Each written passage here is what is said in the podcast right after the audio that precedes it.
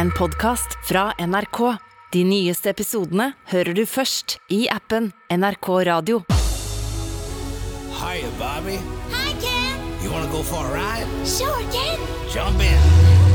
Hun er verdenskjent for sitt blonde hår, smale midje og kritthvite smil. I flere tiår har millioner av barn lekt med den folkekjære dokka, og nå får Barbie sin helt egen spillefilm. Come on, Barbie. Let's go party. Men det var aldri gitt at Barbie skulle bli en suksess. Barbies are all about stereotypical, by the way, with their skinny little legs and their big boobs and everything else, and they always have been. Hvordan ble egentlig Barbie verdens mest kjente blondine? Og er hun et feministikon? Eller et sexobjekt i leketøykassa? Du hører på Oppdatert. Jeg heter Gry Veiby. Merkevaren Barbie har en gjenkjenningsrate på nesten 100% Det fins nesten ikke et menneske på denne kloden som ikke har et forhold til den lille blondina med de veldig lange beina og den supersmale midja. Hanna Kolås, journalist her i Oppdatert, og du har i likhet med veldig mange barn verden rundt gredd og kledd på og lekt med Barbie. Ja, da jeg vokste opp på 90-tallet, så kunne du finne Barbie-dokker overalt og i alle rom. Barnerom, klasserom, venterom. Overalt. Men det var jo ikke gitt at det skulle bli sånn. Nei, for veien fram mot at millioner av små barnehender skulle holde rundt den yndige lille dukka, den var lang og kronglete, og den starta i en heim i USA for nesten 70 år siden. Bodde ei dame som heter Ruth Handler i lag med ektemannen sin og de to barna deres i Los Angeles. Ruth Handler hun var ei relativt lav dame med den klassiske 50-tallslooken. Hun gikk i stilreine skjorter, hvite svingskjørt, hadde flere perlesmykker rundt halsen, og så satte hun opp håret på sånn elegant vis. Og mannen Elliot han drev et ganske vellykka rammefirma, det heter Mattel. Men i tillegg til ramme så lagde Mattel faktisk også møbler til dokkehus. Og Ruth hun jobba også i dette selskapet, og mens ektemannen hadde ansvar for det kreative, så hadde Ruth ei leierstilling. Men det at Ruth jobba, det var jo litt uvanlig på den tida. For mange av venninnene hennes de blei hjemmeværende og passa barn og hus etter at de ble gift, samtidig som de så ektemannen klatre karrierestigen. Men akkurat det var Ruth fast bestemt på at det ville ikke hun. I loved being a mother, but I was fit to be tied with staying home. I hated that. Knowing how to cook and uh, keeping a good house. Oh shit, it was awful. Ruth ville jo jobbe hun også, og hun var ei ambisiøs dame med bein i nesa, som jobba i en bransje som, for å si det forsiktig, var veldig mannsdominert. I don't know what was driving me, but I needed to prove myself from the day I was born. I was in a sea of men. Og en dag skulle det skje noe som kom til å endre Ruth sitt liv for alltid.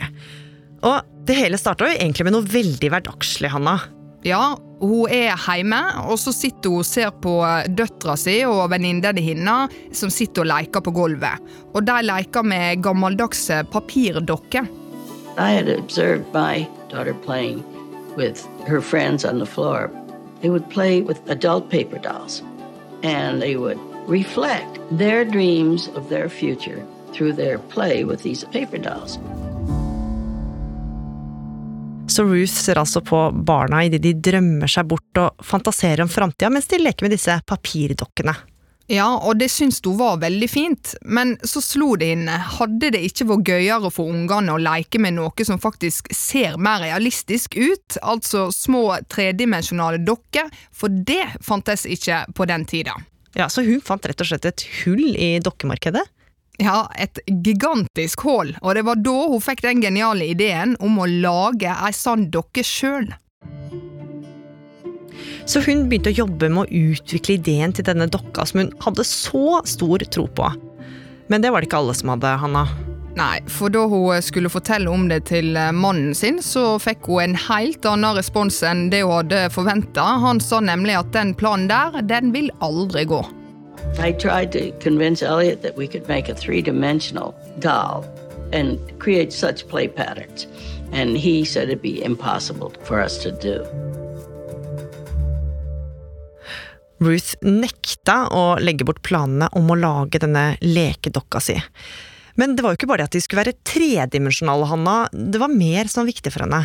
Ja, fordi at til nå så har hun kun sett eh, døtra si leke med papirdokke og babydokke, og hun mente at på grunn av det så var den eneste rolla dattera kunne leve seg inn i, var som mor som skulle stelle sitt eget barn, og derfor så mente hun at tida var inne for å lage dokker som skulle forestille unge, voksne kvinner som barn kunne leke med mens de drømte seg bort.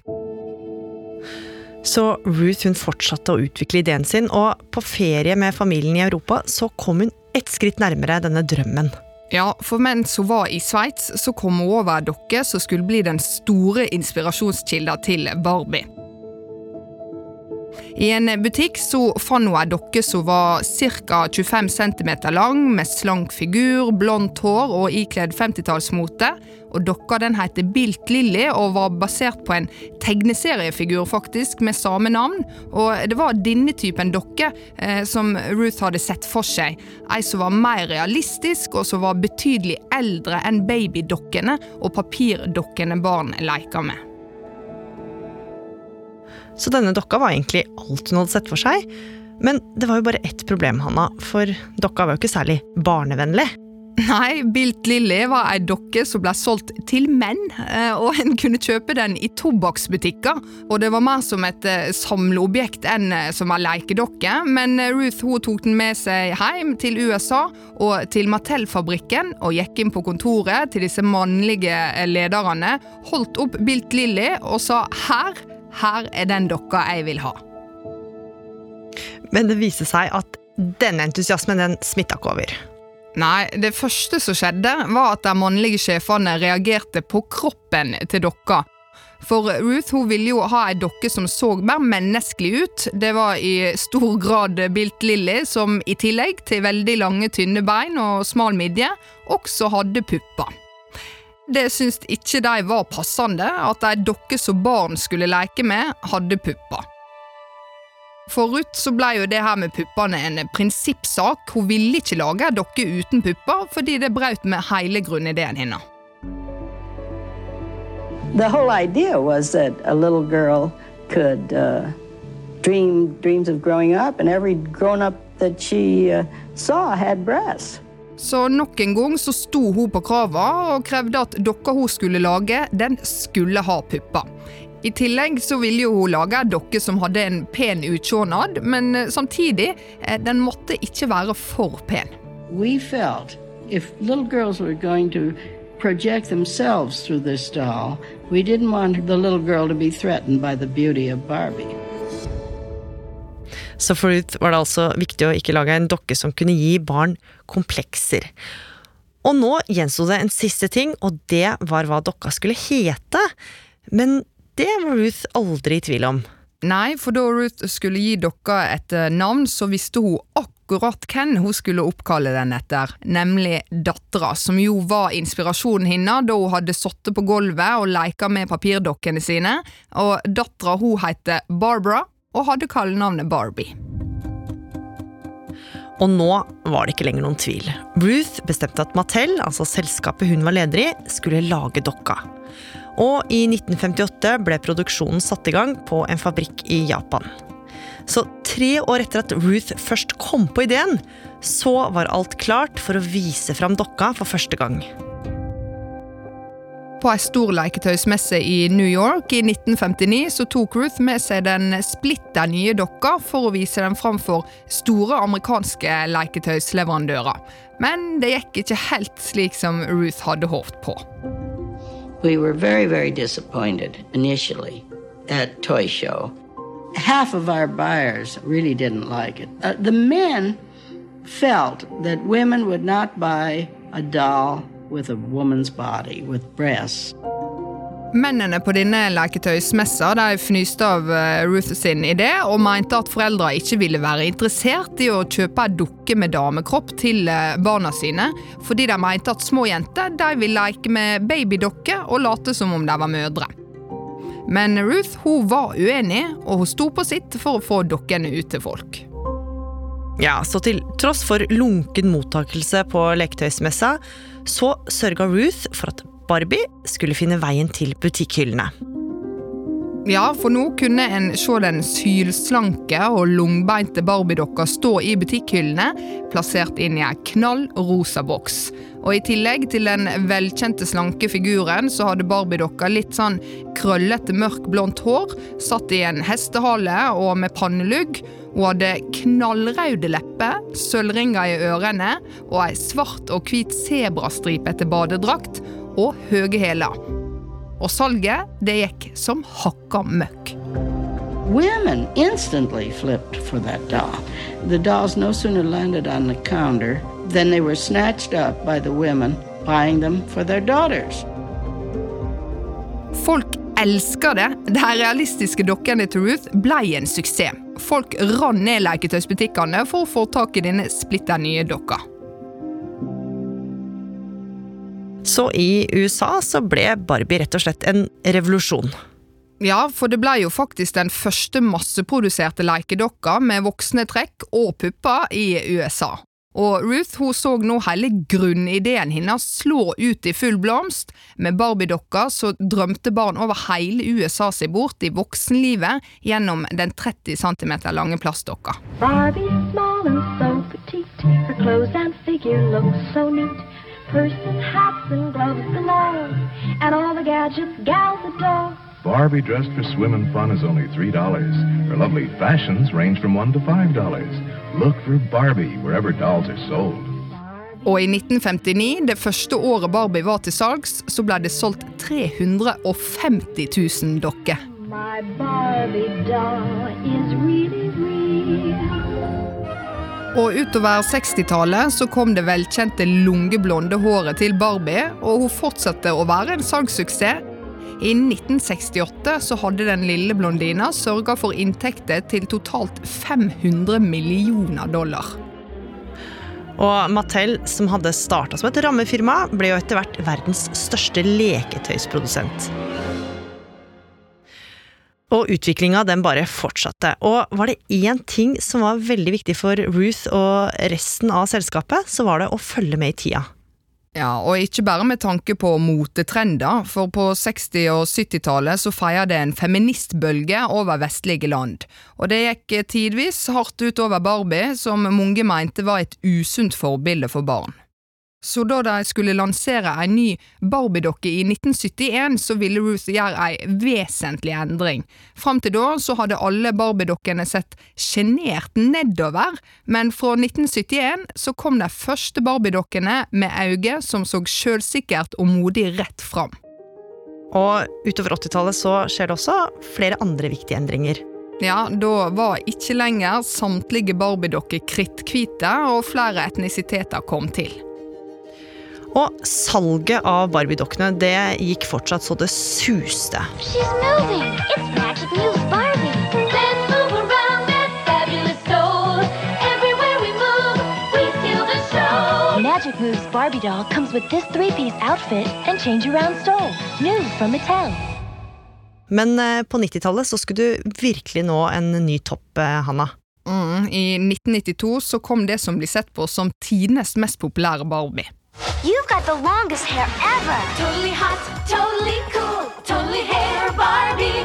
Med tjukt hår som gikk helt ned i bakken, så ble The Totally Hair Barbie tidenes mest populære Barbie, med over ti millioner solgte eksemplar. Totally Hair Barbie doll has blonde or brunette hair down to her toes and comes with depth styling gel. Dolls each sold separately. Så nå var jo Barbie virkelig fast invitar i omtrent alle barnerom. Men det var jo ikke alle som var like positive til den evigsmilende dokka med timeglassform. Nei, her og der opp igjennom så har det vært kritikk mot Barbie, men nå begynte kritikken virkelig å komme. Kritikken den gikk særlig på at Barbie skapte urealistiske kroppsideal eh, med sin sylslanke figur. I tillegg så mente flere at det fremma stereotypiske kjønnsrollemønstre. Og en av dokkene som i 1992 sørga for en skikkelig klagestorm, det var en tenårings-Barbie som var designa til å si flere forskjellige setninger. Let's put on some music. Let's make some new friends. Most of what the new Teen Talk Barbie says is pretty harmless, considering the source, but some of the dolls are programmed to say, and I quote, math class is tough. There's no question that there is a stereotype that exists for young girls, which is that math is hard, I can't do math, or science is hard, I can't do science, or it's not meant for me. Kritikken den begynte å komme stadig oftere, i eh, takt med et større kroppsfokus som kom i eh, samfunnet. Eksperter der viste til at hvis Barbie-dokka sine kroppsmål hadde blitt omgjort til et ekte menneske, så hadde hun uten tvil vært anorektisk, og de syltynne anklene og bitte små føttene til Barbie ville gjort det umulig for henne å gå. Ja, så kanskje ikke så rart at folk reagerte på det her. Og etter hvert Hanna, så ble kritikken så stor at Mattel de måtte gjøre noe. Ja, så det de gjorde, det var å øke dokka sitt midjemål, og i tillegg til det så reduserte de brystmålet, eh, altså gjorde puppene mindre, rett og slett. Og Barbie fikk også, for aller første gang, en navle. Men nå meldte et nytt problem seg, for de begynte å se at Barbie ikke solgte like bra lenger. Ja, de hadde jo eh, fått mye kritikk, og i tillegg så følte færre nå at de kunne relatere seg og ja, rett og slett kjenne seg igjen i eh, Barbie. I tillegg til det så fikk barn utover 2000-tallet et stadig større lekeutvalg, og Barbie fikk større konkurranse av andre populære dokker som kom på markedet, bl.a. den eh, litt røffere Bratz-dokka. I tillegg så tok konkurransen fra dataspill og andre elektroniske leker for fullt av i åra opp mot 2010. Så Barbie hun fikk rett og slett konkurranse fra mange hold, og i 2012 så begynte det å gå virkelig dårlig med salgstallene. Ja, og snart så gikk Lego forbi Mattel som verdens største leketøyselskap. Og nå mente folk at Barbie for alvor var ute av tida. Samme år så bestemmer Mattel seg for å kjøre samme strategi som tidlig på 2000-tallet. Når salgstallene går ned, må vekta gå opp. Så de skulle nok en gang endre Barbie-dokka. Ja, og de bestemmer seg for at denne gangen så skal det ikke bare små endringer til, men Barbie-dokka skal rett og slett bli redefinert. Eh, og det ble ikke gjort over natta. I flere år så jobba et team i Mattel med å skape en ny og mer moderne Barbie, med håp om at hun skulle føles mer relevant for folk. Og prosjektet det fikk navnet Prosjekt Soloppgang. Og i 2016 så var det klart for å presentere den nye generasjonen med Barbie-dokker. Ja, etter to år med intenst arbeid så var Mattel klare for å presentere de nye dokkene, og det var tid for lansering. Finally, tonight, a historic change for one of the most popular toys of all time. But now, as NBC's Erica Hill tells us, Barbie is getting a whole new look. Toy maker Mattel introduced three new Barbie body types to better represent the shapes and sizes of real women petite, tall, and curvy. Men det var ikke bare kroppsformer som var annerledes. We've been introducing new skin colors, new hair colors, new hair textures, new ethnicities. Because as you look around the world, and I think the world that kids are experiencing is really one that is multicultural and diverse. Og folk der hyller de nye endringene, selv om mange mente at Barbie kunne fått enda flere kilo på kroppen. Men endringene må jo ha funka, for nå begynte pilen å peke oppover igjen, og Barbie-dokkene inntok igjen barnerom verden over. I really, really like the curvy run because some people don't look that much like Barbies, so I like how they made it more curvier. Yes, curvy Barbie. Yes. Curvy Barbie. See, this is me. I got no boobs and a fat ass. This one's really cute. I like this one. She's fun. Så til tross for opp- og nedturer, så kan vi vel konkludere nå, Hanna, med at Barbie har klart seg ganske bra i over 60 år. Ja, Barbie har klamra seg til butikkhyllene i flere tiår, til tross for kritikken som har vart nesten like lenge. Og noe av nøkkelen er at Mattel har klart, om enn i enkelte tilfeller noe seint, å tilpasse seg samfunnsendringene. Selve Barbie-mammaen, Ruth Handler, hun gikk jo bort for 20 år siden, men Mattel har klart å drive det videre til tross for opp- og nedturer. Og det blir fortsatt solgt svimlende mange Barbie-dokker hvert eneste år. Og akkurat nå så blir det jo spilt inn en Barbie-film i Hollywood med flere av verdens største skuespillere, som jo er med på å vise at merkevaren Barbie, den står sterkt i dag. Men til tross for ny film og at Barbie er i vinden igjen, så ruller jo denne debatten om hvorvidt Barbie er et godt forbilde eller ei. Ja, den gjør det, og det er jo veldig individuelt hva både folk flest og hva ekspertene mener, så det er veldig vanskelig å sette to streker under det svaret. På den ene sida så var jo Ruth en eh, pioner som skapte ei dokke som sørga for at barn verden over kunne drømme om noe annet enn det å være mor, men på ei anna side så er det få som er uenige i at Barbie opp igjennom har hatt usunne kroppsideal. Men er det én ting som er sikkert, så er det at denne debatten den kommer til å fortsette så lenge Barbie-dokka står i butikkhyllene.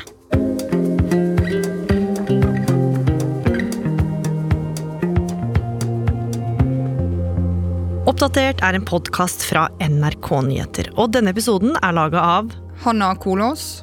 Ina Swann. Espen Bjørlo Mellem. Og meg, Gry Veiby. Programredaktør er Knut Magnus Berge. Klippene du har hørt, er fra NRK, KTV, Mattel, Time Magazine, NBC og BuzzFeed. Har du tips eller innspill, så må du gjerne sende oss en e-post på oppdatert krøllalfa nrk.no. Og liker du det du hører, så blir vi veldig glad om du vil tipse en venn om oss. En podkast fra NRK. Kan få den på den listen som PST har over folk som, eh, som oppfattes som litt trakasserende. Podkasten Feriestemning, hvor to kjendiser deler sine sommerminner. Har du svart feil? Du skjønner ikke hva folk rakter å si. Altså, Verbet har ikke kommet til rakten. Du har med et ekstranett i tilfelle du reiser hjem med mer bagasje. Ja, det har jeg nesten alltid. Nye episoder med nye fjes hver dag i hele sommer. Feriestemning hør du nå i appen NRK Radio.